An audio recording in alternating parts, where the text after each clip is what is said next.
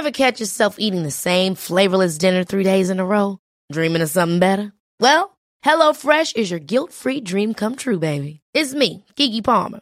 Let's wake up those taste buds with hot, juicy pecan-crusted chicken or garlic butter shrimp scampi. Mm. Hello Fresh.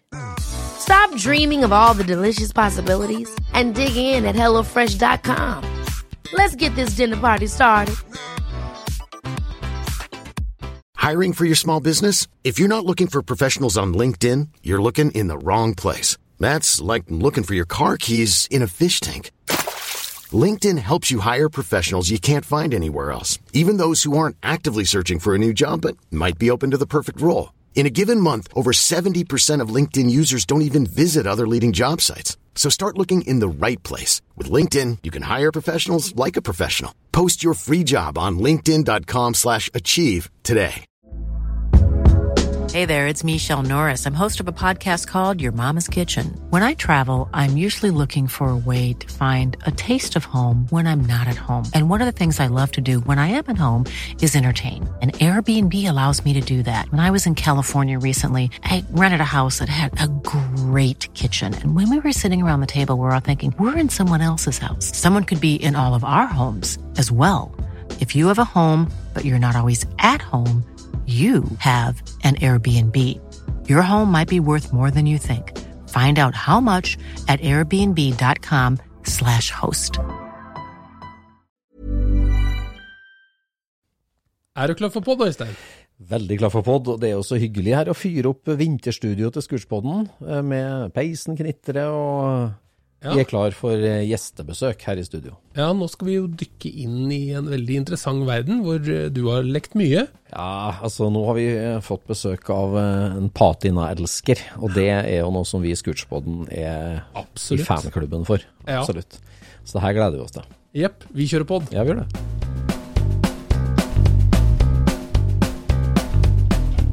Du lytter nå til Scootspodden, en norsk podkast om klassisk bil med Jon Roar og Øystein.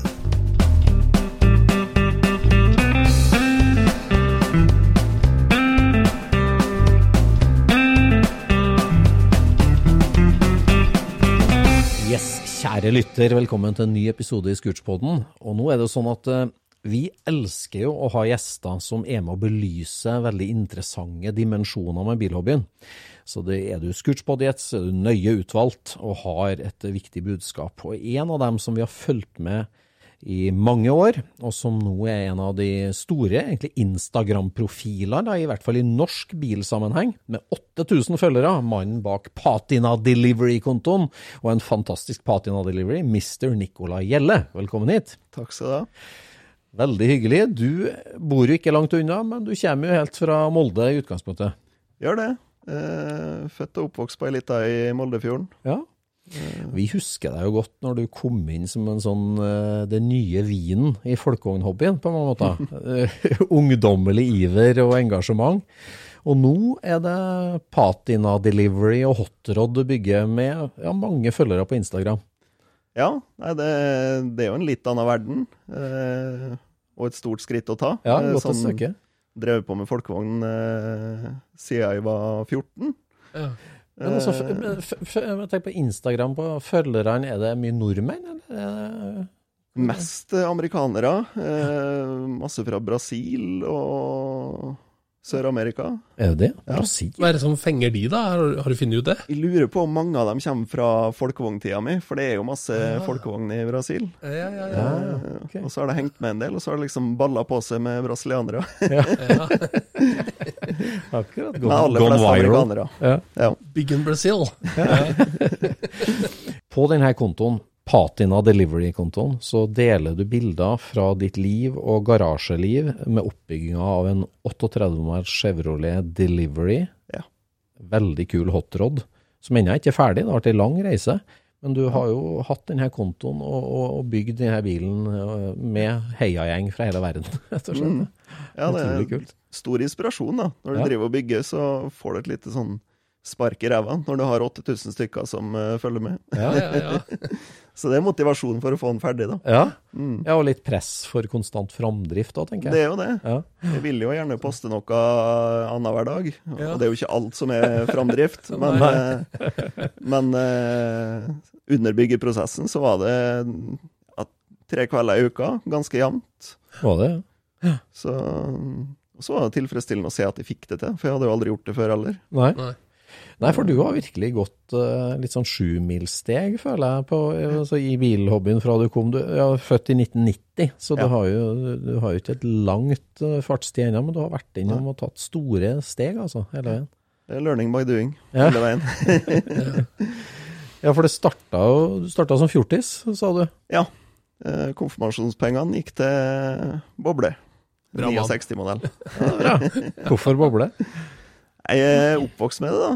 Ja. Eh, Far min eh, sin første bil var også boble. Ja. Eh, og han har vært hekta på det siden tidlig 80-tall. da.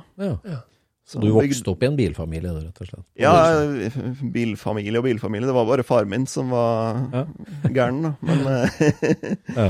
Var det original bil, det, eller var det bygde han om og sånt, eller? det var ombygging, ja. Ja, det var det, ja. Hele veien. Ja.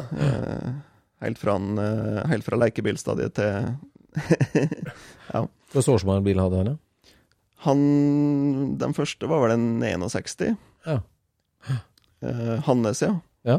Og så eh, Jeg vet ikke hvor mange bobler han har hatt i, men jeg husker i hvert fall når jeg var to år gammel. Eller jeg husker kanskje ikke det, men jeg har sett bilder av det.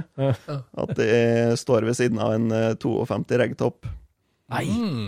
52 reggtopp? Som, som jeg seinere klarte å få tak igjen, da. Kjøpe tilbake. Ja, Ja. akkurat. Og den, så den hadde far din, og du vokste opp med det, og Ja. da var det helt naturlig at på Det, det har vært med hele veien. Ja. Så, men ikke bare folkevogn. Jeg husker vi kjørte langturer fra Molde til Trøndelag i Amazon herregårdsvogn. Og, Ja. så det har vært gammelbil generelt, da. Jeg husker du dukka opp på, på VVTU og holdt på med den eh, 69-en. Det var vel mattsvart, var den ikke det, da? Stemmer det. Ja. Han var dønn rustfri, Ja. eh, så jeg bare lakka han mattsvart. ja. Så var jeg var nede på en ferietur nede i Sør-Sverige en plass. Og så plutselig så rulla det forbi den kortesja med grisesenka folkevogner med patina. Okay. Og da bare Meanbugs het de. Det var en klubb Ja. som var veldig Ja, aktiv i. Sverige. på Ja, jeg husker jeg. Ja, Så da vi så dem på rekke og rad med takrinna full med skrot og helt nedpå, da var det hakeslepp. Og så var det rett hjem og ødelegge nylakkert eh, 69. var det- ja, nylakkert. Hadde du lakkert den i originalfarge, da? Eller? Jeg var mattsvart, da. Ja, mattsvart, men, ja. men det, var, det ble veldig fint, da. Ja. Eh, helt til jeg pussa ned og klinte den inn med tektyl og flakrust og Ja, for jeg husker Det jeg du presenterte jo ideen at du skulle få den til å se ut som han var rusten. Ja. Ikke sant? Det, Det var jo et, eh, du var jo helt aleine om det konseptet, vil jeg si. ja, det var, jeg møtte litt motstand, men eh, ja, for nå er vi midt på 2000-tallet. ja, det blir det. Ja. 2004, da når jeg var 14. ja. ja. Ja, for da, da, da dytta du på tektyl på karosserisida, syns jeg husker, og så Ja. du rødt på tuppene eller noe sånt. Noe? Ja, jeg slipte den ned først, ned til grønninga, Ja. enkelte plasser. Ja. Og så var det bare å finne fram med altså, dobørster og tannkost og grus og det som var, og så kline inn med tektyl og prøve å få det til å tørke. Det tenkte jeg på etterpå i klinten inn, at det, det her tørker jo ikke. Nei. De, Ifølge reklamen tørker det aldri. Liksom. Men han blei kul, så Ja. ja. Men jeg fant jo ut eh, egentlig ganske tidlig at du kan ikke fake patina. Det blir, det, altså, du kan få det til å se ekte ut, men du får ikke rette feelingen, liksom. Nei. Da må du ha Da må du starte med et ekte vrak. Ja, for det som veldig ofte mangler på patina, er jo strukturen. Absolutt. Men eh, når du brukte tektyl, så fikk du i hvert fall litt struktur, her, selv om den gikk utover. Jo, jo, det, måte. vet du. Det, det er mange som bare har riktig farge, men du må jo ha Du må jo Det kjennes riktig ut òg når du tar på den. Ja, ja, ja. uh, og det med at det For eksempel interiør. Du kan aldri gjenskape noe gammelt. Det, Nei. må, det skal lukte 50 år gammel sigar og mugg og Det er viktig, altså. Ja. Ja, viktig. Hva er det med, med si, ekte patina som er så kult, syns du? Altså, øh, Ja, Det har jeg tenkt masse på. Ja. Uh, Syns jo dere har hatt eh, veldig gode poeng. Altså det, det er jo levd liv. Ja. Uh, og vi driver jo med veteranbil, og da skal du jo se at det er brukt. Um, å fortelle en historie. Ikke, Ja. eh, og sånn som eh, Deliveryen, da, så er det, det er en gammel varebil. Og Mm. den har jo vært brukt uh, av mange, og det har vært uh, Mm. i forbindelse med firma og ikke sant. Så Mm. en varebil uten logo, det er ganske kunstig, eller upersonlig, syns jeg. Mm. Mm. Unormalt, nesten. Ja, Unormalt, nesten. så det er liksom Nå hadde jeg jo en splittbuss som vi malte logo på, Ja. eh, i to omganger. Jeg kjørte to tema på den. Mm. Og så når jeg fikk tak i den Chevrolet Deliveryen nå, så var liksom Høydepunktet er jo å male på den logoen. Ja, det er det, vet du. Er Et klimaks. Ja. Så nå har jeg jo brukt eh, Brukte vel et halvt år på, eh, på å utvikle den logoen, og finne ut at den liksom var helt riktig før jeg malte den på. Og så brukte jeg vel et par kvelder på å male den på. Og så en kveld på å slipe den nesten helt bort. Så det er nesten ingen som ser den. Og da er du fornøyd. Da er jeg fornøyd. Jeg har fått spørsmålet på Oslo Motorshow når jeg stilte ut der, Ja. om eh, jeg ikke skulle freshe opp logoen sånn at vi så den ordentlig. Det var det ultimate komplimentet. Ja, Det ja, det ultimate komplimentet. Det er det, vet du. Det var akkurat samme som jeg kom til Tyskland med 46 med, og han der Traugot sier som I think you should leave it this way. Ja, Ja. ja. Jobba i ti år for å få den sånn, så det er I'll leave it this way. Det er helt konge, vet du. Og samme med pinstrip, pinstripinga langs sida på den. For den Mm. har jo sånn original pinstriping langs karosseripressinga. Mm. Og den, eh, den var helt bortslitt, da, på, Mm. på min. Men den malte jeg på, så det var egentlig ganske strøkent. Og så vaska bort nesten alt med tynner. Ja. Og der òg kom naboen bort, som er veldig bilinteressert, da, og spurte om eh, den må du jo freshe opp, Ja. så du ser den ordentlig. Og det er jo så, det er så bra tenkt. At det, det skal være liksom hintet av det, eller liksom restene av det. Altså, det skal være nok til å fortelle historien om at det var pinnsleiping. Ja, ikke sant? Men uh, Og den bilen er så slitt, det er nesten ikke lakk igjen på den. nei. Så hatt en hvitmalt logo på, den, på sida på den, har vært unaturlig, unaturlig da. Krise, vet du. Ja. Så jeg har heller satsa på at det, det skal se ut som det har vært en logo der, Mm. og at det bare er den originale svartmalinga som henger igjen der logoen har vært, da. Som ble beskytta av logoen. Ja. Ja. Så du ser bare konturer av logoen. Mm. Eh, å Nå snakker vi liksom patina på veldig avansert nivå. Jeg tenker at den der smaken for god vin, eller smaken for god patina, det er jo noe som skal modnes over tid. Men for deg så var det egentlig altså et knips. Du så meanbugs på veien i Sverige, og smekk så var det patina som gjaldt. ja, det har vært det siden, altså. Ja. Det har det. Jeg har hatt én blank bil etter det. og Mm. Den hadde jeg et halvt år og sånn før jeg måtte selge den. Ja. For det Men fortell litt mer om det. Første bobla, blei den lav med takrinn og Jeg gjorde det. Der? Han gjorde det? Det blei først bredda original på den. Det var ei takrinn med noe rusten eksos oppå og litt forskjellig. Ja. Uh, og så blei det Repro Sprintstar. Uh, da solgte jeg den. Mm. Mm.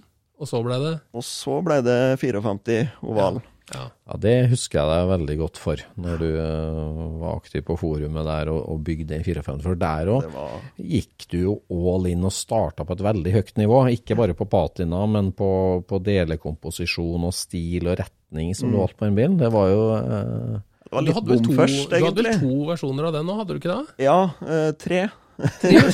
ja. Først så var det standardoppskrifta med Puma-forstilling og så Repro Sprintstar. Ja. Og så så jeg jo fort at det var skivebom med CNC-freste felger på en eh, 54 med originallakk. Mm. ja, for det var origin, det var førstelakken på den bilen. Ja. Mm. Så den var litt sånn Svart. Ja, herlig og patinert. gjennompolert enkelte plasser. Ja, det var nydelig den Den hadde veldig bra patina. Hadde det. Veldig Og originalt urørt, urørt interiør og Ja. rette lukta og Ah. matching numbers, girkasse og motor. Var det flaks at du fant den, eller leita du etter den bilen? Den lå ute, den, på eh, VV Norge, eller Ja. VV2. Husker ikke hvem av forumene, men, ja. men den lå til salgs uh, ukestid før vi um, kjøpte den usett. Um, Men faren din var jo helt med på det her, kan vi Ja, si. han. Så vi dere- på den 54. Ja, okay. Eh, for jeg var fortsatt bare 16 år, eller? Var det det? Så jeg ennå ikke, ikke Men, kjørt. men da hadde liksom da, da, Allerede da så var det liksom 69 blir for nytt. Det er ikke Det var altfor høy frontrute og ja. For kort på bakluke. Det er veldig bra. To år på å skjønne det, det liker vi. Det, Ja. det, du har skjønt det fort. Men det Det er jo en litt sånn læringskurve på det der, der sånn, altså hva som er i så vi, vi begynner jo alltid med den beste bilen vi får tak i, eller bare ei boble, på, på en måte. Ja, ja, ja. Og så plutselig så finner du ut at ah, ja, ok, jeg skulle egentlig hatt den årsmodellen, ja. Ja, ikke så blir det en sånn justering av kursen rett etterpå. Ja, ja. Ikke helt Altså, uvanlig. Ja, men også er det, på, veien, altså på veien fra mattsvart 69 til patinert 54, så er det jo vanligvis mange frosker du skal kysse. Du, du, du har ikke råd til drømmer med en gang, men du gikk jo rett på, da. Ja, takket være kanskje en god spleis med far. sånn da, det var nok det. At du fikk Men det, det var sånn. jo billig òg. Ja, ja, det var jo før det, 34 000 for en urørt oval. ja. Ja, det, var jo før det tok av. på en måte, mye. Fantastisk. Så da skjønte du det òg, ja. Her er jeg trådt feil. Og Senest fra ei stalufelg på en sånn bil går ikke. Ja. Det er litt artig. Du snakker om liksom med, med tema. Hvor mange temaer har du hatt på bilen din? Jo, tre temaer, eller tre generasjoner bil. For det er jo sånn. Det, er en generasjon. Du, du bygger, og så kan du forandre og rive og heve rumpa og senke. Og, ja, og spesielt den 54. Da føler liksom de tre stilartene den hadde, er liksom Det følger utviklinga mi òg, da. Den bilen eh, hodet ditt, ja. ja. er en del av meg, egentlig. Hadde den jo i ti år. ja. Første versjon var feil, andre versjon var Andre versjonen, da tror jeg jeg kjøpte felga det, Jon Roar. Gjorde du det, ja? Ja. Da var det Appliens Nei, det var Rune du det kjøpte. Det var. Rune jeg kjøpte den Ja, stemmer. Men det var en screwdriver. Ja, det var det, vet. Ja. Det var det. Ja, appliance-felga. Ja. Ja. stemmer, det husker jeg. Så da ble det stål, og da ble det riktig med en gang. 14 ganger 6, eller? Eh, 15 tommer òg. Ja, sånn. Var det 5 tom foran og tøft på den, da. 6 tom bak. Ja. Ja. Mm. ja, den satt som bare fy, den. Eh, Ja. Da senka jeg inn ett hakk i ræva, og da satt det som støpt. Og du fikk en lillefinger imellom, akkurat som det skal være. Så lurer på om det var noe Krasa-potte på den, eller noe sånt noe? Stemmer det? Ja. Ja. Og det var jo krise, da, for når jeg kjøpte den, så var det jo originalt effektanlegg til 30 hester på den. Ja. Men jeg hadde sett at eh, en 54 skal jo ha ett eksosrør, ja. så jeg kappa av det andre røret. Gjorde det. Og så han hadde sånn dobbeltrør under Ja. bakplata? Ja, Stemmer. ja, ja. Så det er jo noe effektanlegg Det- fra 50-tallet. ja, det. Så du kappa og plugga den? Gjorde det. så sånn var det. Ja. Ja, det, da var han tøff. Det, det husker jeg godt, når han så sånn ut. Ja, og da kjørte jeg også med Judst-kompressor og litt sånn 50-tallsstuk, da. Men han var, hang jo litt ned med snut, snuta, vel? Han han gjorde vel, det. Han var litt Kaluk-aktig. Det meste jeg har hatt, har jo vært eh, ganske Ja. lavt, da. Ja. Mm. Da var du tidlig ut, altså. Både i årstall og i alder. Med så Judson og det stuket der, og Patinaen og det. ja, i hvert fall i alder. Ja, altså, det der er, det, det er For det her, en nå er vi, du var 18 videregående. omtrent? Ja, det var, du Ja, var det 18 omtrent. Lobonavnet, det stammer jo. Det begynte jo, jeg het jo først lobotomert. Mm. Ja. Det refererer jo litt til Ja, ja, Ja. ja, ja. Instant. Gal. Ja. Ja. Ja, for det er et Lobo på forumet, det er rart. Altså, jeg har jo lagra det som Lobo på telefonen fortsatt, Ja, ja. for at uh, forumnavnet ble sånn definitivt. Det er mange som kaller meg det fortsatt. Ja, Så, ja. Og siste versjonen var Siste versjonen, da var det mer mot eh, hotrod-stilen. Da var det tradisjonell Calluck, og det er i mine øyne så nærme du kommer hotrod da, i folkevognverden. Det er jo en hotrod, Mm. Ja, bare det at det er folkevogn. Mm. tysk folkevogn. Nei, tysk hotrod. Tysk hotrod. Ja, ja. ja, det er jo bil på californiansk, på en Ja. måte. Og det er jo en hotrod òg. Det er jo det. Og med utspring i dragracing og Mm. Mm. Så det har jo masse til felles. Mm. Ja, hva var bytta du da, egentlig, da, for, uh, til Mm. tredje versjon? Hvordan, hvordan Tredje det? versjon, da ble det opp igjen i ræva. Mm. Men ikke originalhøyde. Det var noen timer med fintuning for å få den helt riktig. Mm. Og så var det Crest Lines, Ja. eh, aluminiumsfelger fra 60-tallet. Mm. Femeika, grove. Ja, Mm. med feite cheater slicks bak, Mm. og Firestone foran. Ja. Klassisk oppskrift. Ærlig. Um, Og den har du solgt! solgte den, da, vet du. Ja. og han som kjøpte den, han uh, plukka av alt sammen. Så um, Ja. Skjønte ikke noe av det. Nei. Nei. Det sto inni Jeg hadde jo en Porsche-motor inne òg. Eh, Brannpumpemotor. Mm. Type 356-ish. Mm. Ja. Mm. Så Nei, det er så nært hotrod du kommer, egentlig, det, altså. Sånn uh, på I den verden er det. Ja. Kjærlighetsverden. Han blei jo så bøllete. Når, du, når du får den nesa ned og rumpa opp og med lave frontruter og ser jo nesten taksenka ut, da, vet du. Ja, gjør det. Men far din, da, fulgte han med på det her, han da? Eller? Altså, det, var han med på tenkinga og stilen òg, eller? Kjørt? Ja, Ja. vi, vi deler smak. Mm. Eh, så Mm. Og han har alltid vært på Calluck, da. Så jeg husker når jeg var Når vi delte den ovalen, når jeg var 16-17, så var det en lang kamp for å få lov å senke den bak. Ja, så ungdommen liker. Ja. Jeg fikk det som jeg ville til slutt, da. så lenge jeg gjorde det sjøl. ja, kult. Nei, Jeg ser jo hvor det her går, for da nærmer du deg hotrod-verdenen. Og, og, Ja. og du havner jo etter hvert der, og det, og det Patina Delivery ned. Men var, var det en sånn drøm fra starten av? Liksom, jeg, jeg ønsker meg virkelig en hotrod, men jeg starter med folkevogn, på en måte? Eller ble det Ja, ja og nei. Eh, når jeg var snørrunge, så var det hotrod som var det kuleste i verden. Hotrod og dragster, det var liksom Mm. Det var det kuleste som fantes. Men eh, når jeg kjøpte den første bobla, så var jeg all in på folkevogn. Og jeg tror jeg skrev på forumet at hvis jeg får en million, så er det boble i kjøpet, liksom. Det kan være. Så vi må Men trekke tilbake den, var, da. var det noen på Bolsøya som kjørte rundt med hotrod, eller hvor fikk du det fra? Nei, det var bare bilblad fra far min, sikkert. Eh, Mm.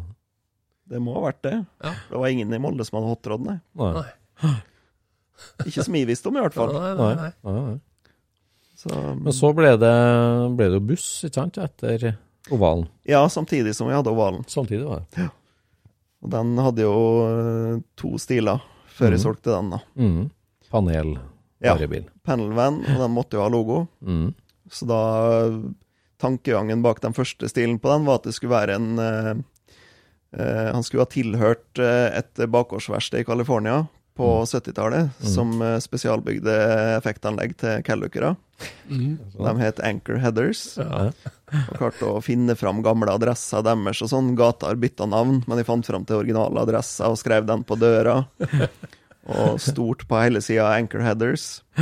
Og eh, da kunne de ikke sveise, så jeg fikk naboen til å eh, spesialbygge effektanlegg da, som så ut som de der Enkelt. trompettutene som de hadde på den tida.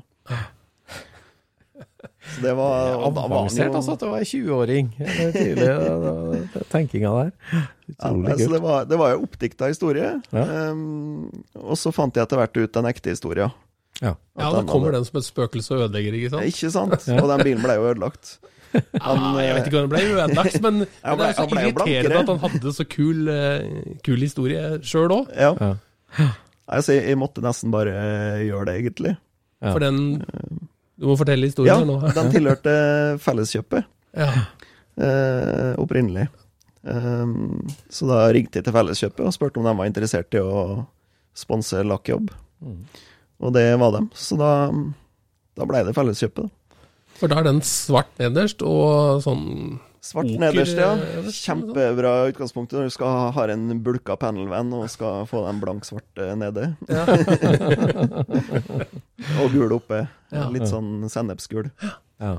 Um, og gotiske bokstaver på sida. Men, men dukka det opp altså det, Vi har jo snakka om det her med at alle biler skjuler jo egentlig en god historie og en spennende historie. Så det, det at, at det var felleskjøpebil, eh, visste ikke du det når du kjøpte den? Eller, altså, hva, gikk du inn for å finne ut av det, eller snubla du over det plutselig? liksom? Eller? Det flassa av lakk på taket. Ah, ja. For den eh, mattbrune lakkjobben var så som så. Så det prella av litt. ja. Og da var, var det gult på taket, så begynte jeg å stusse på det. Eh, og så Jeg tror jeg snakka med forrige eieren. Eh, så sa han at han hadde hørt rykter om at han har gått for Felleskjøpet, eller et eller annet sånt. Ja. Så, så forska jeg litt, da, og så fikk jeg det bekrefta, og da, Ja. da måtte jeg jo bare tilbake til den.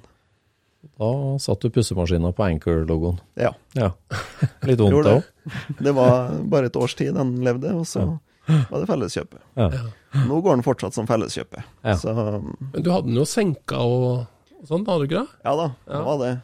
Uh, alltid har hatt det å senka. Mm, mhm. Det er jo litt sånn tullete. Jeg prøver liksom å gjøre det mest historisk riktig, Ja. og så er det griselavt. Ja. Det er jo bare tull, men uh... Det er sånn det skal være på et vis, da. ja, det er det. Ja. Eh, Ja, men hvorfor det, liksom? Altså, er det Hvis du er så interessert i historien og ektheten og Ja. genuiniteten med den Uh, jeg har ikke noen logisk forklaring på det.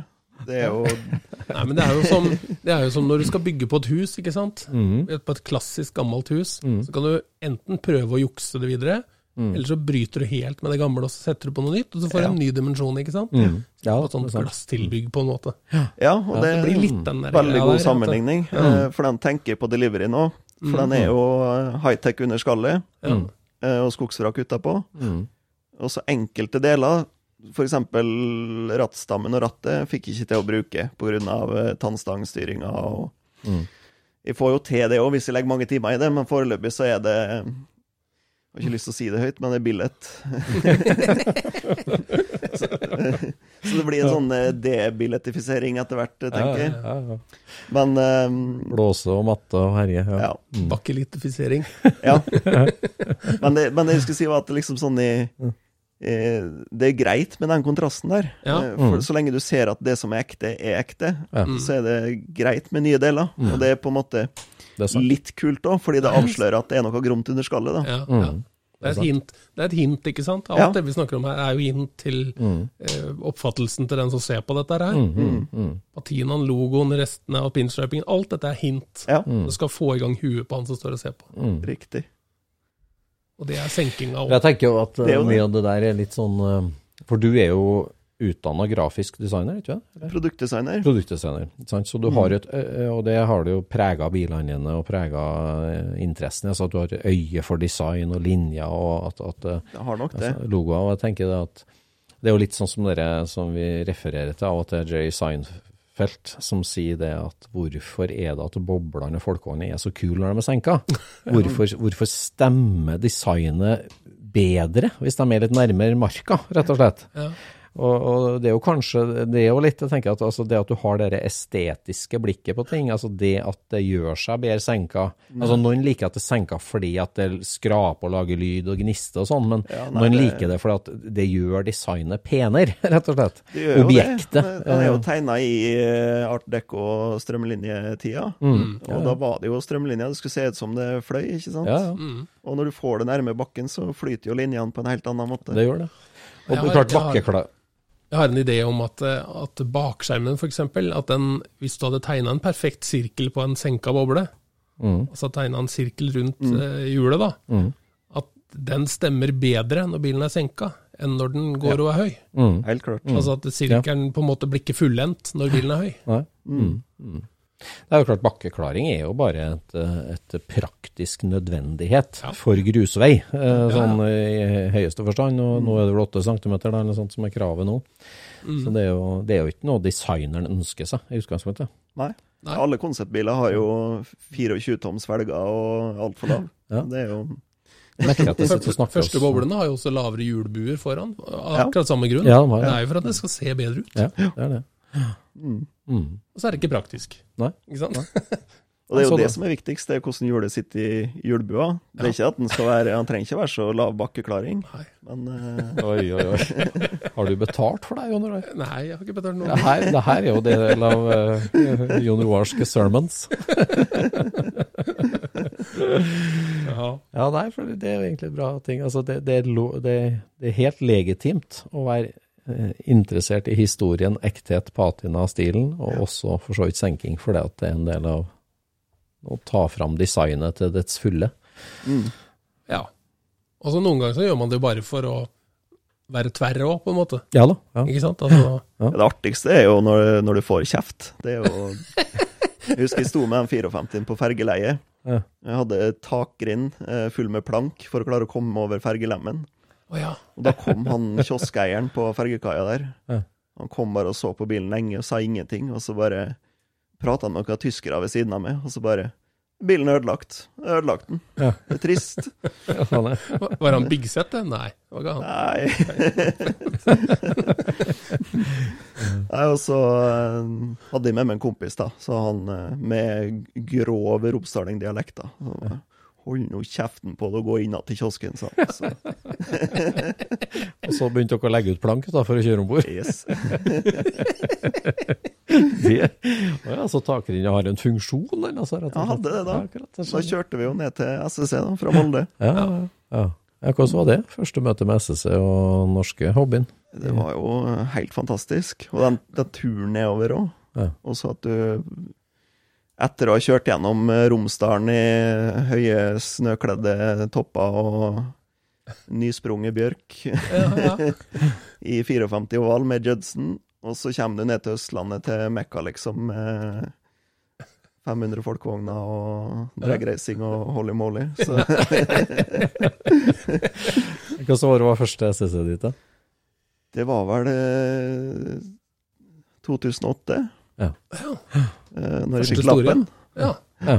Det var kanskje Kanskje jeg var på 2007 òg. Ja. Men at jeg kjørte første gangen Ja, når jeg var i 18, selvfølgelig. Ja, det der er en dannelsesreise. Altså, første treff jeg husker det kjempegodt. Jeg var på bugcamp, første treffet mitt. eh, Sånn når, liksom, når du Det var første treffet mitt òg. Ja, var det? Ja.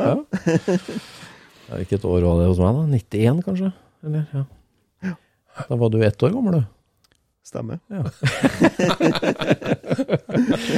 Altså Den åpenbaringa der med å skjønne at vi er mange i samme båt, og det Ja. finnes folk som er like gale etter de rare tinga som meg. Det er opplevelse, det. altså. Ja, det er ordentlig digg. Og Ja. på det forumet vi hadde, med, Ja, ja. skjønte folk at eh, Nei, når du skjønte at folk var enda mer gærne enn du, det jeg var, da, så det var jo Det. Ja, det er bensin på bålet. Det der. Forumtida, altså. Det kan jeg ikke si det for ofte. Det var good times. Ja, det var good times. Det var det. Ja, ja, ja. Så etter Felleskjøpebussen, da, så tar du jo da endelig skrittet over til Åtterådverden, da. Ja. Da hadde jeg en eh, 54 Val som ikke kunne bli kulere, i, mitt, i mine øyne. Ja. Og så hadde jeg en uh, splittbuss som jeg egentlig var lei av, for den var blank. Ja. Eh, så fant jeg at hvis, hvis jeg selger to folkevogner, så har jeg jo eh, halv million, og da Det er jo hotrodpenger, det. Ja. Så da, da ble det en eh, 29 Ford som jeg Ja. hadde sikla på ei stund. Kult. Ja, For du hadde jo gjort Østlendinga da òg. På ti, eller nå, det var litt noen år før, da, men Ja. for du Uh, eh, Flytta ned til Østlandet da jeg var 19 år. Ja. Utdanning? Ja. ja. Så har du blitt værende siden. Stemmer.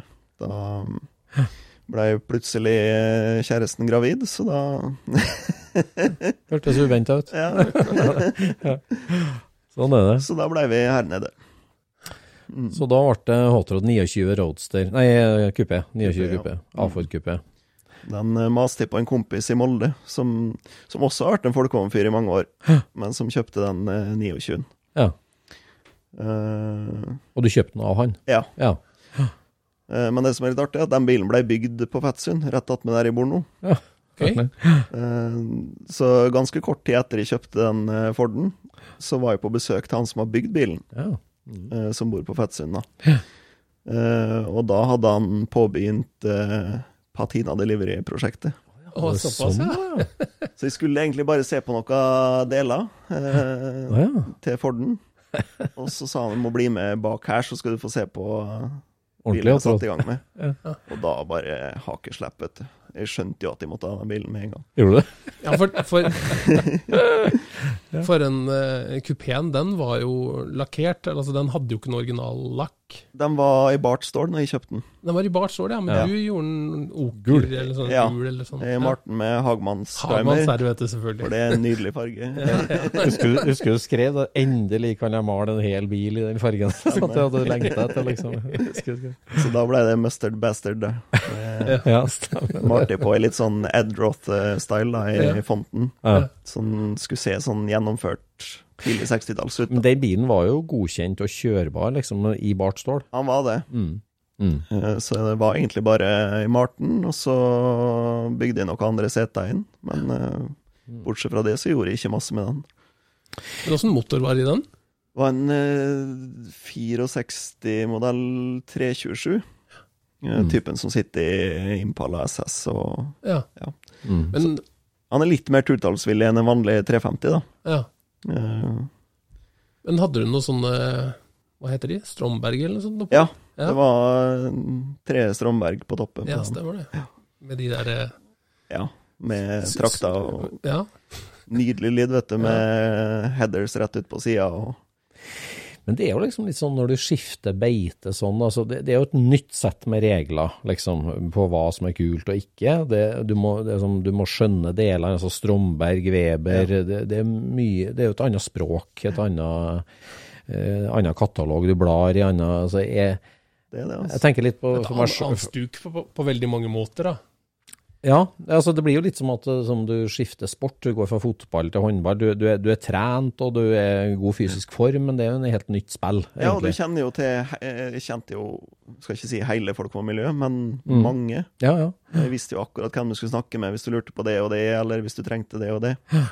Så plutselig så kjenner du ikke en kjeft, da. Nei. Det er jo grunnen til at ikke jeg er hatt det sånn. ja, det føles jo liksom litt skummelt og farlig og vanskelig. Det, det er jo sånn å skift, taktskifte helt. Altså delene du hadde liggende på hylla og alt sånt, alt er jo ukurant plutselig. Da. Ja, De delene ligger der fortsatt, egentlig. Ja, heldigvis. Ja, takk. Ja, det er bra.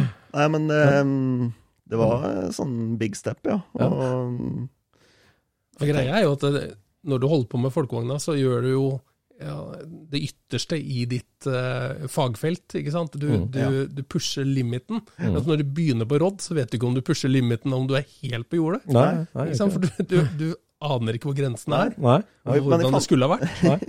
Vi kjøpte jo den 29 fordi jeg bare syntes den så helt riktig ut. Det var bare sånn, her stemmer alt. Ja. Mm. Men jeg visste jo ikke hvorfor. nei. Men jeg fant jo ut etterpå at jo, han har jo tre Stromberg-gassere, og det er jo, Mm. det er jo gromt, det. Ja, ja, Han har en vinter bakaksel som er Mm. Med quick change, og liksom Ja. alt var riktig, da. Mm, mm. Var det A-Ford ramme på den, eller var det? Det var det. Ja.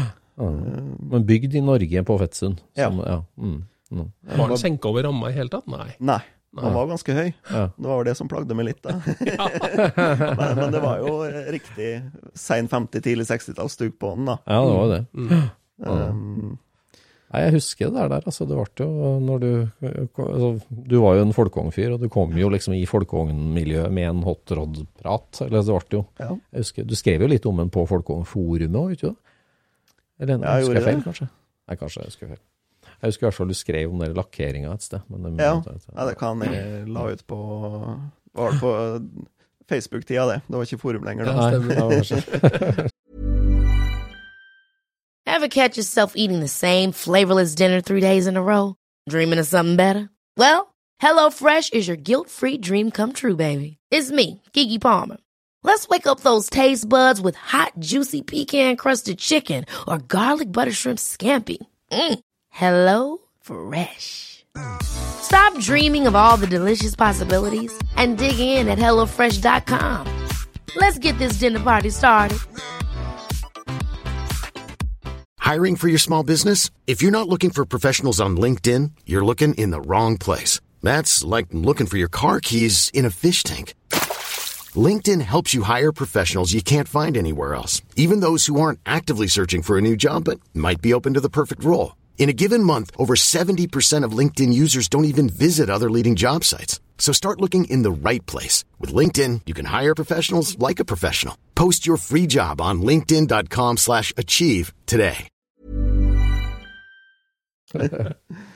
Hvordan var det da å sette seg bak rattet på en hotrod og begynne å frese der? Det er noe av det artigste jeg har gjort, altså. Er det? Ja. Eh, farlig å si det her, men Ja. eh, Nei, vi elsker alle biler, vi. ja. Nei, for det var Jeg har jo alltid glist når jeg har kjørt folkevogn, Mm. eh, og for så vidt andre veteranbiler. Mm. Men når jeg sitter der i ei hestekjerre på 1000 kilo, med bensintanken i fanget, for dashbordet er jo bensintank, Ja. Og så har du en 5,5 liter i, rett foran der igjen. Det er helt rå følelse, altså. Er det? Og så to centimeter dørglipper og eksos rett inn. og hørselvern måtte du ha, for det var jo helt ubrukelig. Når du rørte gasspedalen, så gikk ræva ut. Det var, så, jeg, så jeg var skjelven hver gang jeg skulle kjøre den bilen. Da. For jeg var vant med 40 hestekrefter, Ja. og så plutselig så hadde du 300-350. Og smale diagonaldekk, ikke sant? Og stiv framaksel og bakaksel. Men eh, overraskende fin å kjøre, egentlig. Ja. Um, Dro du på hotrod-treff da, og begynte å mingle deg med hotrod-folk, da? eller? Gjorde ikke det, vet du. Nei, Nei. ikke det? Nei. Eh, hang fortsatt mest med folk og kompiser. Ja. Eh, og så rakk jeg egentlig ikke å dra på noe treff med den bilen før, jeg, før det ble eh, Patina Delivery. da. Ja, for, for det, det var ikke noe liksom at du tenkte det var et mål å få deg en annen hotrod heller. Det var liksom helt tilfeldig. Du snubla inn, eller du var i den garasjen, Ja. og så ser du det, og så er det en ny Meanbugs-opplevelse, en ny Ja. åpenbaring. Det her, er- her skal jeg være. Jeg har sikla litt på sein 30-talls Chevy før, for jeg syns de har utrolig fine linjer. Mm. Men så visste jeg ikke at den fantes som delivery. Nei.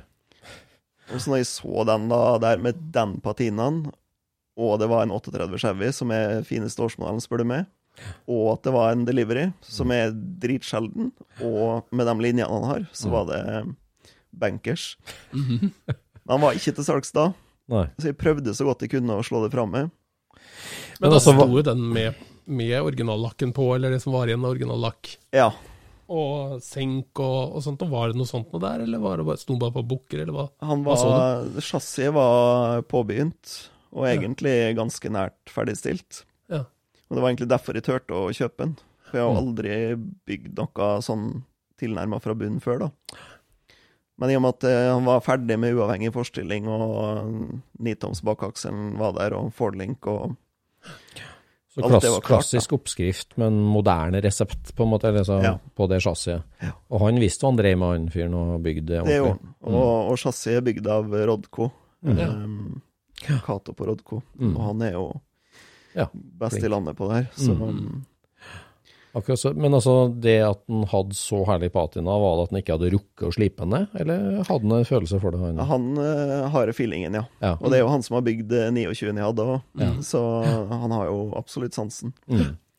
Ja, for den eh, Chevroleten din, den er jo, som vi snakka om, eh, svartlakkert originallakk, men den har stått i skogen i mange, mange år og er veldig slitt og patinert. Mm.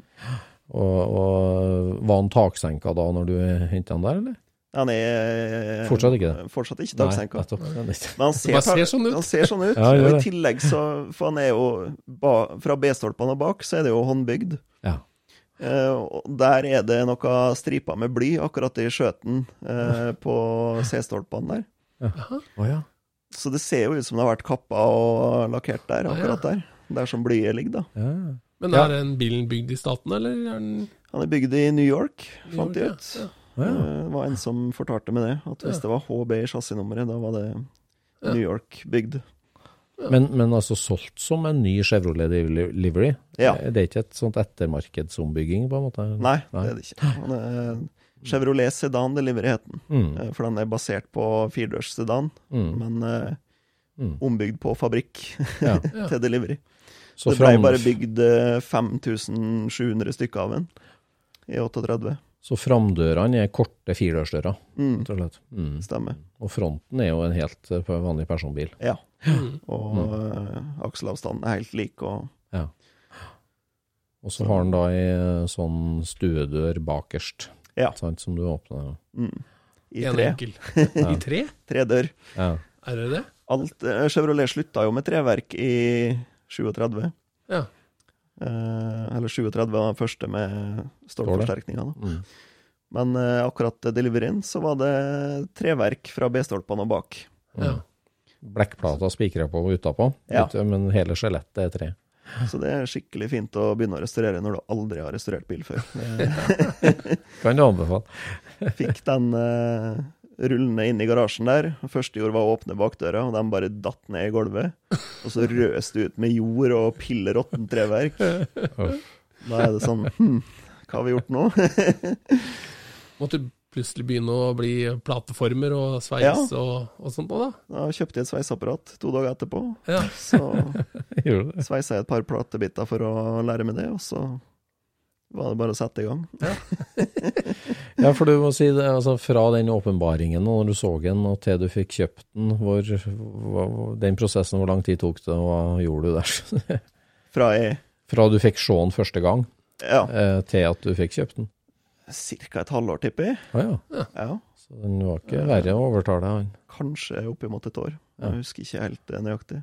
For han dreiv og bygde den til seg sjøl, selvfølgelig som Ja. en drømmebil. Og Ja. så begynte du å mase, da. Så hadde det stoppa opp litt, grann, og så hadde jeg egentlig lagt det litt bak meg. Ja. Og så plutselig fikk jeg melding på Messenger fra en fyr jeg ikke visste hvem var, som skulle kjøpe den Forden min. Det var ikke snakk om han da. Nei. Og da bare pling, delivery. Så da forsvant den Forden fort. Ja. ja, så da sa han det var greit, da. Og hvordan så den da? Du sa chassiset var ferdig, det var, var Ja. karosseriet tilpassa og Karosseriet var påbegynt, det var bytta kanaler. Uh, Den var helt uten gulv. Uh, Fortsatt masse rust. Hele bakparten var jo bortrusta. Uh, Så det hang jo ikke sammen i det hele tatt, det karosseriet, da. Nei. Men chassiset, er det den originale ramma fra Otto Ja? Ja, det er det. akkurat. Som det er bygd på det, ja. Det vil Så si, da- det er jo bare egentlig langsgående rammevangene som, Mm. som er igjen, da. Mm. For det er jo rørforsterka i hytt og pinne. Og, Mm. Uh, og i ettertid så notcha jeg tilbake, tilbakeakselen for å få lagt den helt nedpå, da. Ja. For den ble jo litt for høy, den òg, så Ja, For nå har du luftkjæring på den? ja. Ja. Den var bygd for coilovers opprinnelig. Um, så, så jeg, jeg turte jo å kjøpe den fordi chassiset var ferdig, men jeg endte jo opp med å kappe av hele forstillinga og flytte den fem centimeter fram.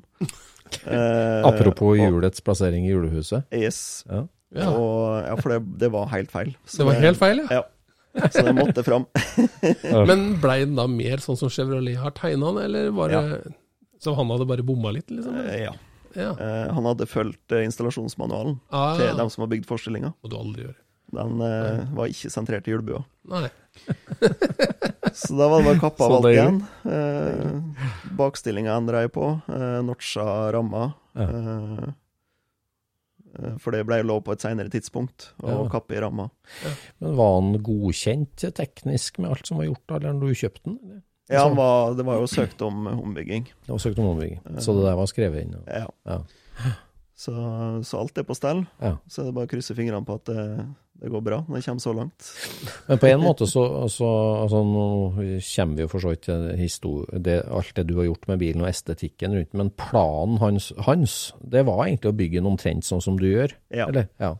Eh, eneste jeg endra på sånn mekanisk eller teknisk, det er vel det at han skal ha coilovers, så jeg har gått for luft, da. ja. Mm. Da slipper du å ha med 2-4 på taket Riktig. når du skal på ferge. ja, Ferjeanpasse? Ja, jeg skjønner. Sånn er det, altså. Vi blir eldre. Ja, ja, ja, ja. Enklere måte å gjøre det på. Ja, det er jo egentlig latskap, for det er jo vanskeligere å kjøre statisk lavt, egentlig. Ja, det er jo det. Eh, men jeg fant ut jeg, kun, jeg klarte ikke å få den så lav som jeg ville ha den, ha den da, og fortsatt kjørbar. Nei. Eh, så jeg ble på en måte tvunget til luft, da. Hva, hva kom det av, da? Var det noe som Nei, tok det motoren i bakken? Subba i framskjermene eh, Ja. med full sving. Ja. Så jeg blei ikke happy. Han, han måtte lenger ned før den, den bilen måtte være helt på bakken for å bli ordentlig kul, liksom. Eller utnytte hele potensialet, da. Du er så kompromissløs når du snakker om det. Jeg tenker på det der med ja, altså, nort, altså Notche ramma, det, det gir deg noen centimeter, selvfølgelig, men det er jo mye jobb. Å flytte forstillinga fem centimeter, enormt med jobb. Mange Ja. ville jo tenkt at ok, sånn er det. Mm. Jeg tar ikke Men du, du, du går all in. Ja, jeg vurderte lenge om jeg bare skulle lukke øynene og fortsette, men så veit jeg det at når den bilen er ferdig, og du ser at framhjulene står fem centimeter for langt bak, Ja. da jeg hadde ikke klart å sette på det, vet du. Nei. Ah, det er Nei, musikk bare- i scooch på dørene, det. Ja, jeg kjenner meg så igjen nå. Jeg kjenner meg så igjen. Det er så viktig. Det er jo ikke gøy å holde på med sånt som ikke blir bra. Nei, det er ikke det. Det var ikke artig å kappe av den forestillinga heller, Nei. men uh, Nei. det måtte gjøres, da. Ja, Så, så nå er det riktig. Nå, utrolig bra. nå er jeg fornøyd med stykket. Hvor lenge er det du holdt på med den, egentlig? Hvilket år fikk du den? Det er vel eh, fire år nå, da. Ja. Mm. Eh, og så har det egentlig Siste året har det egentlig stått litt stille, fordi Eller ikke siste året. Nå i vinter har det stått stille. Det føles ut som et år. Ja. ja, på Instagram så ser det ut som det skjer noe hele tida. Ja, ja. Det er bare fake, vet du. Nei, men det mm, Nå venter jeg mest på våren, eh, for da skal han fraktes hit og dit og få bremsa motor og hjulstillingskontroll og For det sitter jo en datamaskin under panseret på den, gjør det ikke det? Det gjør det, mange. Og jeg har jo ikke peiling på elektrisk. Det er ikke noe Strømberg der. Nei, det er det ikke. Strømberg. Ja, Det var en utfordring å få plass til alle disse datamaskinene og ledningsnettet under det lille dashbordet der. Eh, Nei, for det er jo liksom uh, flere dimensjoner med den bilen som har imponert oss veldig. Altså Én ting er som det tekniske, at den er avansert og mye å lære seg der. Eh, og så er det jo patinaen og det du har gjort der, men altså historieforskninga på altså historien til bilen. Det, med, det er jo en bryggeribil, er ikke det? Nei, det er det Nei. ikke. Nei? Det var jeg helt sikker på. eh, Ja, det hadde det du lurt oss til. så var jeg sikker på det. Ja. Jeg fant ut at den var solgt ny i Tønsberg, Ja. eh, og han hadde noen hvitmalte stjerner på, på framdørene. ja. Tønsberg Bryggeri. Yes, Ja. det tenkte jeg da. Ja. Eh, Har de stjerne i logoen? Der er Tønsberg Bryggeri- hadde ei hvit stjerne eh, med en T og en B inni. Ja. Mm. Eh, Så det var liksom no-brainer. Ja. Helt til jeg hadde veldig flaks. Jeg prøvde jo å finne første eieren lenge. Ja. Um, og da var det en som sa til meg, for jeg, jeg sto fast, da. Eh, kom ingen vei med reg-kort og alt det vanlige opplegget. Altså, det var ikke papir med på den, på en måte, helt? Eller? Jo, det var det. Det Ja. her var jo bare for historieforskning. Ja, jeg, jeg Mm. had, men eh, jeg hadde um, et reg-kort der det sto første reg-nummer, Ja. og så sto det bare rabla i hjørnet Emanuel. Mhm. Um, men lenger kom jeg ikke. Uh, men så var det en som sa til meg at du må sjekke med Bilekstra i Tønsberg. Mhm. Fordi det er gamle lokalene til det som var Jøntvedt Auto, Mhm. som solgte alt av Chevrolet i Tønsberg på 30-tallet. Ja. Så jeg ringte til Bilekstra, um, og de hadde nybilboka til Jøntvedt, Jøntvedt der det står oppført alt de solgte av bil. Ja. Nei. Eh, men den hadde den akkurat gitt bort til Slottsfjellmuseet. Oi. Så da ble det en ny runde med museet. Ja. Men eh, etter et uh, halvår omtrent, med litt purring og sånt, så kom det, kom det en mail med et bilde fra den boka. Nederst på sida der så sto det fullt navn på første eier. Ah. Eh, riktig regnummer, chassisnummer. Datoen han var solgt. Gjorde det? Hva het den, da? Han het eh, Emanuel Jørgensen. Ja. Jobba ikke på Tønsberg Bryggeri. Han jobba ikke på Tønsberg Bryggeri. Eh, vi fant ut gjennom eh, Facebook-side som heter eh, Tønsberg i gamle dager. Mm, herlig. Like Så- sant. Ja, Så spurte jeg der om det var noe som visste om han karen der, da. Ja. Og så var det ei som svarte med en gang, vet du. Emanuel, ja. Ja. Han var en trivelig fyr med glimt i øyet. Han uh, jobba på Skjell. Og han tygde skrå, og påstod han aldri ble sjuk pga. skråen. Ok. Så det var uh, fulltreffer der, da. Ja. Og så gjennom ei slektsforskningsside så fikk jeg tak i dattera hans, da, Ja. som har bytta etternavn. Eh, Men eh, jeg fikk tak i henne på telefonen, og Ja. hadde loftet fullt med fotoalbum. Så da fikk jeg tilsendt originalene, eh, bilder. Eh, seks bilder, tror jeg det var, fra før krigen og under krigen og 40-tallet. Fy fader. Eh, og Så han kjøpte ny og eide den helt etter krigen, altså? Ja. Ja. Han var eh, fire år på sjøen, hvalfanger. ja. Så når han kom hjem, så var det ny Chevrolet. Men Da var, var han gjemt under krigen, eller var han beslaglagt, eller? Ja, eh, jeg fikk jo høre når jeg kjøpte den, at den stjerna var noe eh, fra tyskerne, og at bilen hadde vært eh, rekvirert. Ja. Men det fant jeg ut, det, det stemte jo ikke i det hele tatt. Fordi jeg snakka med hun dattera til førsteeieren. Hun fortalte at tyskerne prøvde å ta bilen. Ja. De var på døra og banka på. Men da var Emanuel ute på jobb. Bilen var borte. Eh, Men når Emanuel kom hjem og fikk vite om det her, så kjørte han bilen rett i skauen. Og så fortalte han hele familien at de skulle ligge, og sa at de ikke hadde noe bil. Ja. Så når de kom dagen etterpå for å hente bilen, så nei, vi har ingen Chevrolet. Han gjemte den i skogen, altså? Gjemte den i skogen. Ja. Der sto, lå den uh, under diverse kvister og Gjorde det? Og Så, så fikk du noe teori på stjerna, da, eller? Ja, den eh, sleit jeg jo lenge med, da. Eh, For det var helt tydelige tegn på stjerne? Ja. Ja. Det er helt klart at den har vært hvit, Mm. og at den har vært overlakkert. Mm. fordi jeg har funnet litt lakksig under stjernene. Mhm. Og også på bakdøra, for der er det rester etter et eh, Det ser ut som to bokstaver og to tall. Mhm. Så jeg har vært inne på ei god stund at det kan være en militær kode av noe slag. Mm. Kan se ut som TR, det kan være transport, veit ikke. Eller TP for tropp. Men Det ser ut som det står TR45 bakpå. Um, og så fikk jeg plutselig et tips fra Jon Bjerke. Um, og han har peiling på eh, krigen og det greiene der. Han sa det at eh, alle biler som var rekvirert av, av allierte, de fikk påmalt ei hvit stjerne på, på dørene. Mhm. Og da liksom, da gikk kabalen opp. Da stemte alt. Mm. Så jeg, så jeg har ikke noe bevis for det, men eh, alt peker i hvert fall mot det, at det, det er fra frigjøringa rundt der, da. Mm. Det forklarer jo også logoen på sida av bilen. Det gjør det. For jeg har ikke skjønt før nå hvorfor det står Shell. Nei, ikke sant? Nei. Og det er jo Jeg var jo redd for å male skjell på den, Ja. før jeg visste alt, egentlig. Ja, ja. Eh, For det hadde jo vært teit hvis det hadde vært ei kaldtekststjerne, og så står det skjell på sida. Men nå er det jo helt innafor. Eh, Han, har han jobba på Skjell, og han hadde Han varebil. han har nok aldri hatt skjell-logo, den bilen. nei, nei. Nei, nei. Men uh, det har iallfall rot i virkeligheten, Ja, ja, den logoen. Så utrolig kult. Og så veit jo aldri hva som, om det har stått noe på sida. Um, fordi det var utkappa vindu på den på 50-tallet. Og var det det? Ja, så når jeg fikk den, så var det vinduer i sida på den. Ja, det var det, ja. I det panelfeltet, ja. Ja, Mm. så der, eh, hele sida der er fake patina. ja.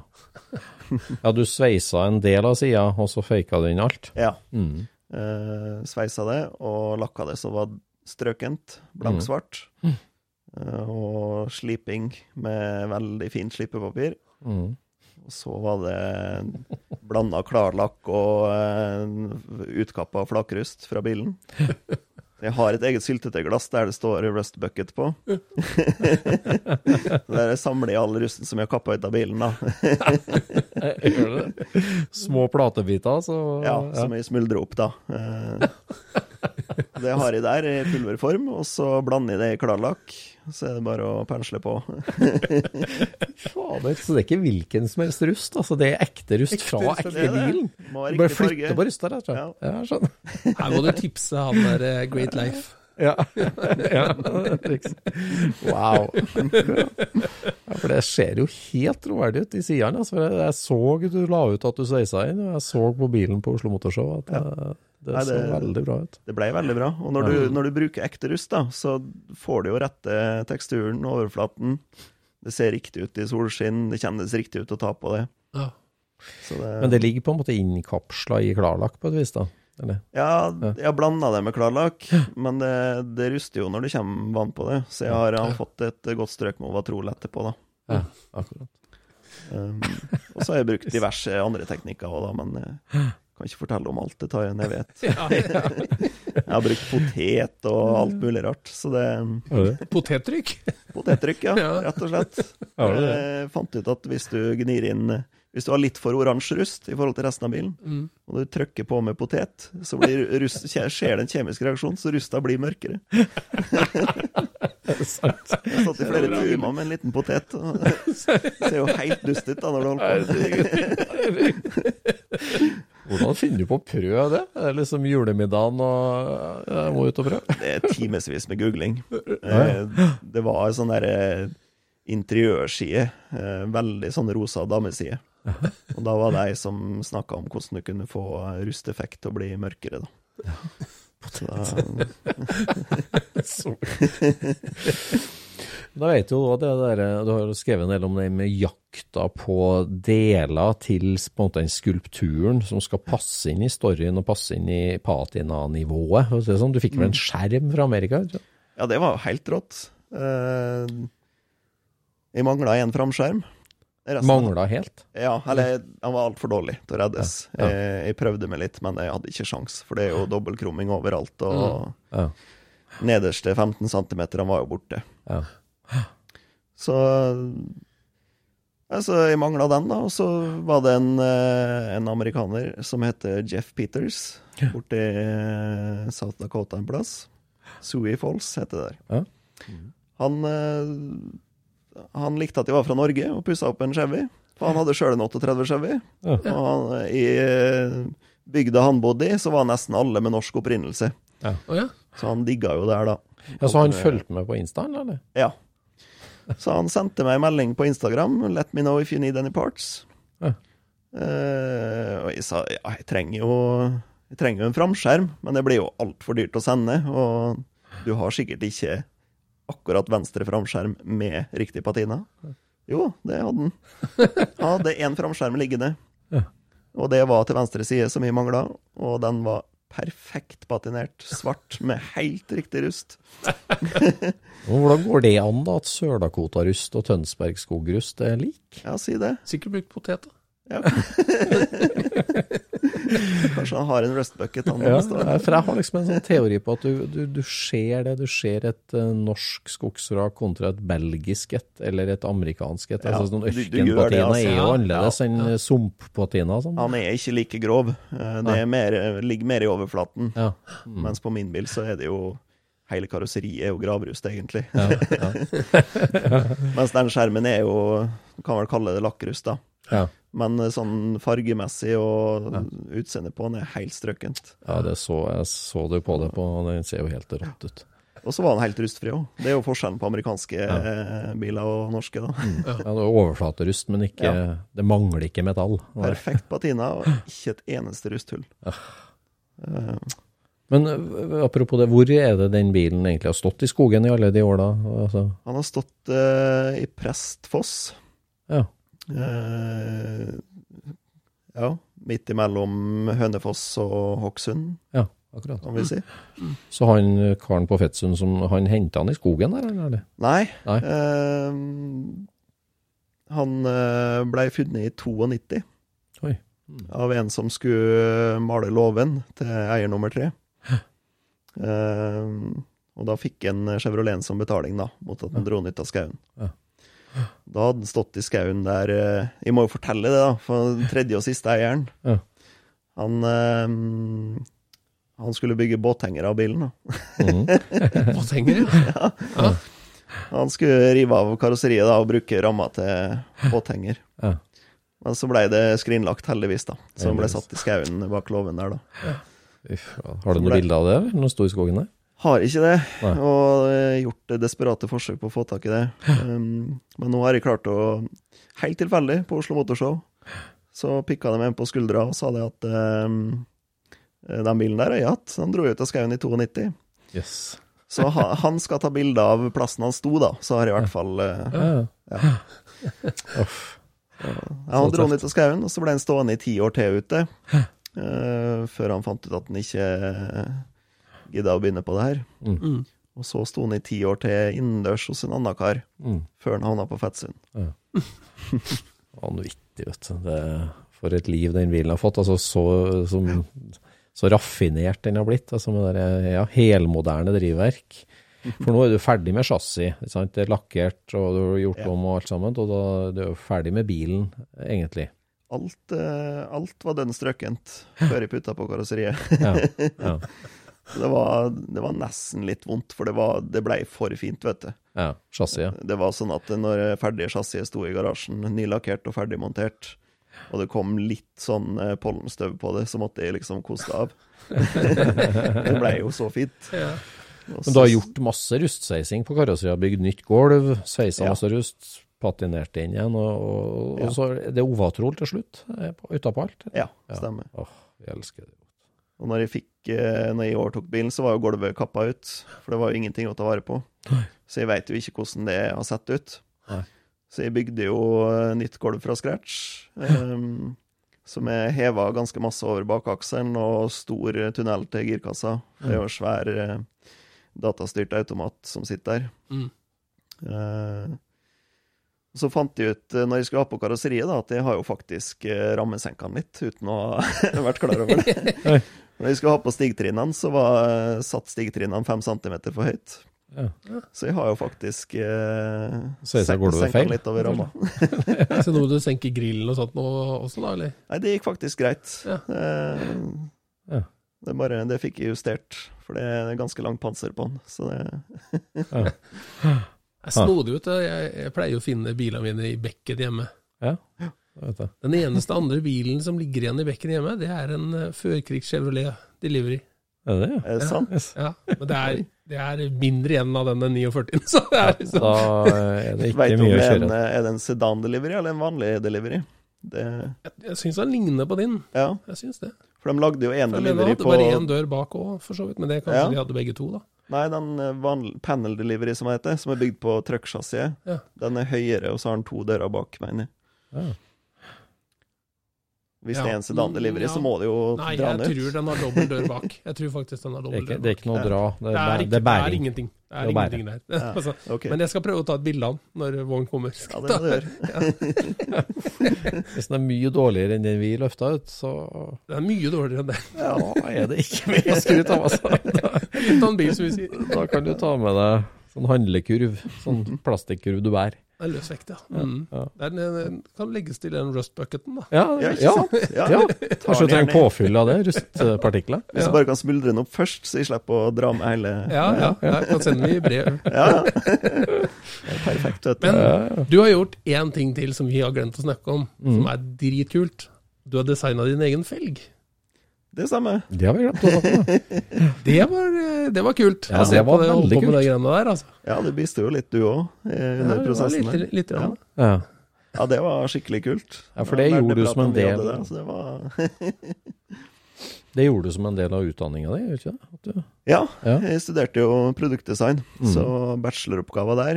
eh, Da var det greit å snike inn litt eh, folkevogn. Ja. Så da, da var liksom eh, Sa jeg til meg sjøl at det er jo altfor lite felger å velge i. Eh, og så er jo felgdesign dødsspennende, for det, det er så masse du kan gjøre med dybdespill og Så er det utrolig vanskelig å lage noe som er fint. Det er det. Mm. Eh, jeg vet ikke, Sånn i ettertid så er jeg ikke helt fan av skrudde felger. For det var jo en tredelt felg med BBS. det var mest en sånn praktisk ting, var ikke det da, eller? Det var jo det, og det var jo en, en sånn krav i bacheloroppgaven min at den, som jeg satte meg sjøl, da. At eh, Ja. det skulle være valgfritt innpress og Ja, bredde. sånn, ja. ja. ja, ja. Mm. Men det, det var jo veldig kult å se deg holde på med det, det er sånn, og så prøve å inkorporere litt sånne Ja. eh, ideer. altså sånn Ta noe klassisk og gjøre det til noe nytt. Ja, for jeg tok det utgangspunkt i den originale Volkswagen-felgen. Eh, og på en måte 205, ja. inverterte den hjulkapselen. Mm. Så vi fikk den eh, bua innover istedenfor utover. Mm. Konkav istedenfor Mm. konveks. Mm. Ja. Eh, og så er det jo litt lite snev av Sprintstar der òg. Mm. Ja, det var, du skulle blanding fått laga den, da. skulle det. Mm. Og det verste av alt er at jeg har sett uh, en kinafelg som ligner litt for masse i ettertid. Og såpass? Som Oi. er til folkevogn. Jaha. Er det noe som har eh, Tror, Spionert? Ja, for jeg la jo ut Jeg hadde jo en blogg som jeg Det Ja, var jo før jeg. Instagram, da. mm. eh, som jeg la ut bilder på. Um, så, så det var en felg som Jeg skal ikke påstå at den var helt lik, men uh, jeg syns Yes. det ligna mistenkelig masse. Altså. ja. Mm. Mm. Skummelt å legge det ut til allemannseie. Sånn Det er jo det. Bilder. Men um, jeg tror nok aldri det har blitt noe av den produksjonen uansett, for min del. Så um, Det var et artig prosjekt å følge. Det var det virkelig. ja, det var en artig oppgave òg. Og det er jammen meg den Patina Delivery-prosjektet ditt og sida. Så det har jeg fulgt med på og vært veldig inspirert og syns er veldig artig å følge med på. Og det, er fordi er noe med det å bygge bil på den måten, med å, med å dele med hele verden og ta innspill fra hele verden. Og, og det, det er jo en del av et prosjekt, det òg i dag. Altså det å håndtere den delen der. Det tar masse tid. Det Mm. gjør det. Ja. Hva sier Hotrod-folk om eh, det prosjektet der, da? Og så inkorporere patinaen så mye og Ja, nei, det, det virker som det er litt nytt for dem. For det, det er fortsatt veldig masse sånn uh, beige sin interiør med isydde flames og Ja, det litt masse billett Og, ja. eh, Ja. Rattstamme, ja. ja, så det Jeg bygger vel litt etter den der folkevognmetoden, egentlig. Mm. Eh, det er liksom som om vi skulle restaurert en barndårbuss, men det er en Chevrolet. Mm. Eh, men nå er det jo flere og flere. Det har blitt veldig populært nå med 50- og 60-talls pickuper på luftfjæring og med patina. Mm. Mm. Så Men det er ikke så veldig mange av de som er ekte patina, da. Nei, det er masse fake ute og går. Ja.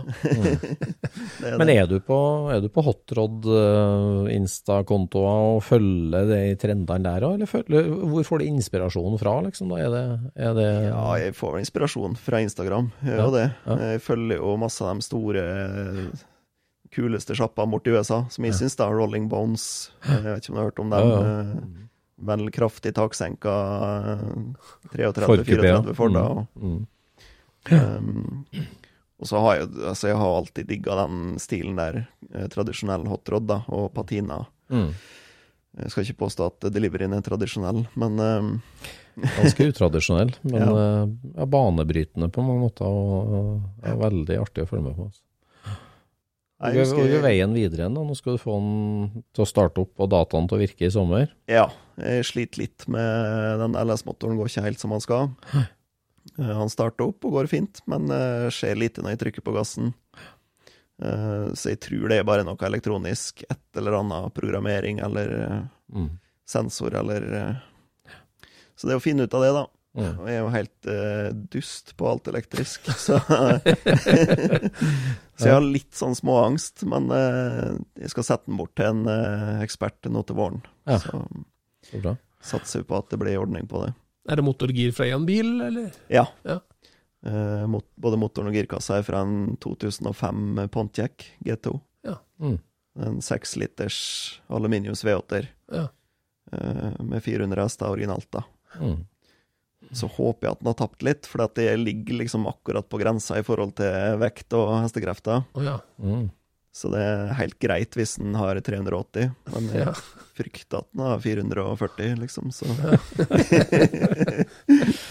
Men i bakhodet da, og i kikkerten, er det noe annet som surrer der? At liksom nå har du ja, altfor masse, vet du. Er det det, ja? Ja. Vi kan Vi er spent. ramse opp, men uh, Ta et par eksempler, da. Uh, 33-34 Ford. Ja. Uh, nydelige linjer. Mm. Eh, 47, eller midten av 40-talls Chevrolet Fleetline. Ero Sedan. Mm. Det er jo eh, studie i strømlinje. Ja. Mm. Aller første. Eh, men sånn aller, aller øverst så troner jo 356, da. Ja, akkurat. Oi, oi. Um, Det har vært kult å sett din oppskrift på en 356. ja, det har vært skikkelig artig. Men jeg har bare råd til en replika, og det vil jeg ikke ha.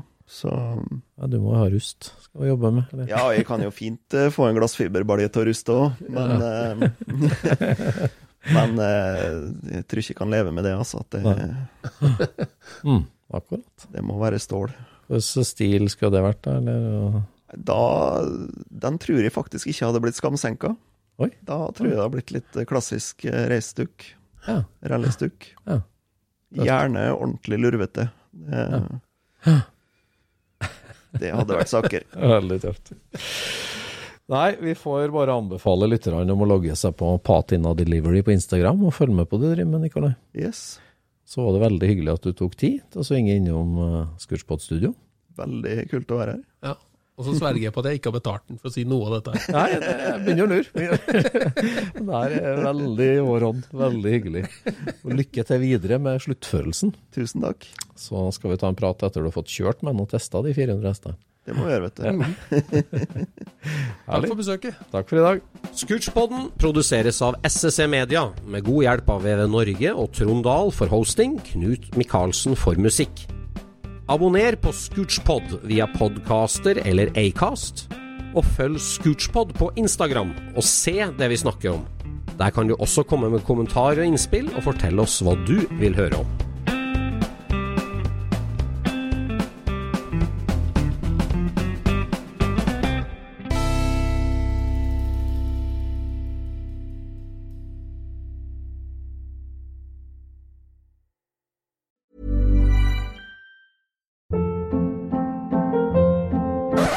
Hold up. What was that? Boring. No flavor. That was as bad as those leftovers you ate all week. Kiki Palmer here, and it's time to say hello to something fresh and guilt-free. Hello Fresh. Jazz up dinner with pecan-crusted chicken or garlic butter shrimp scampi. Now that's music to my mouth. Hello Fresh. Let's get this dinner party started. Discover all the delicious possibilities at hellofresh.com.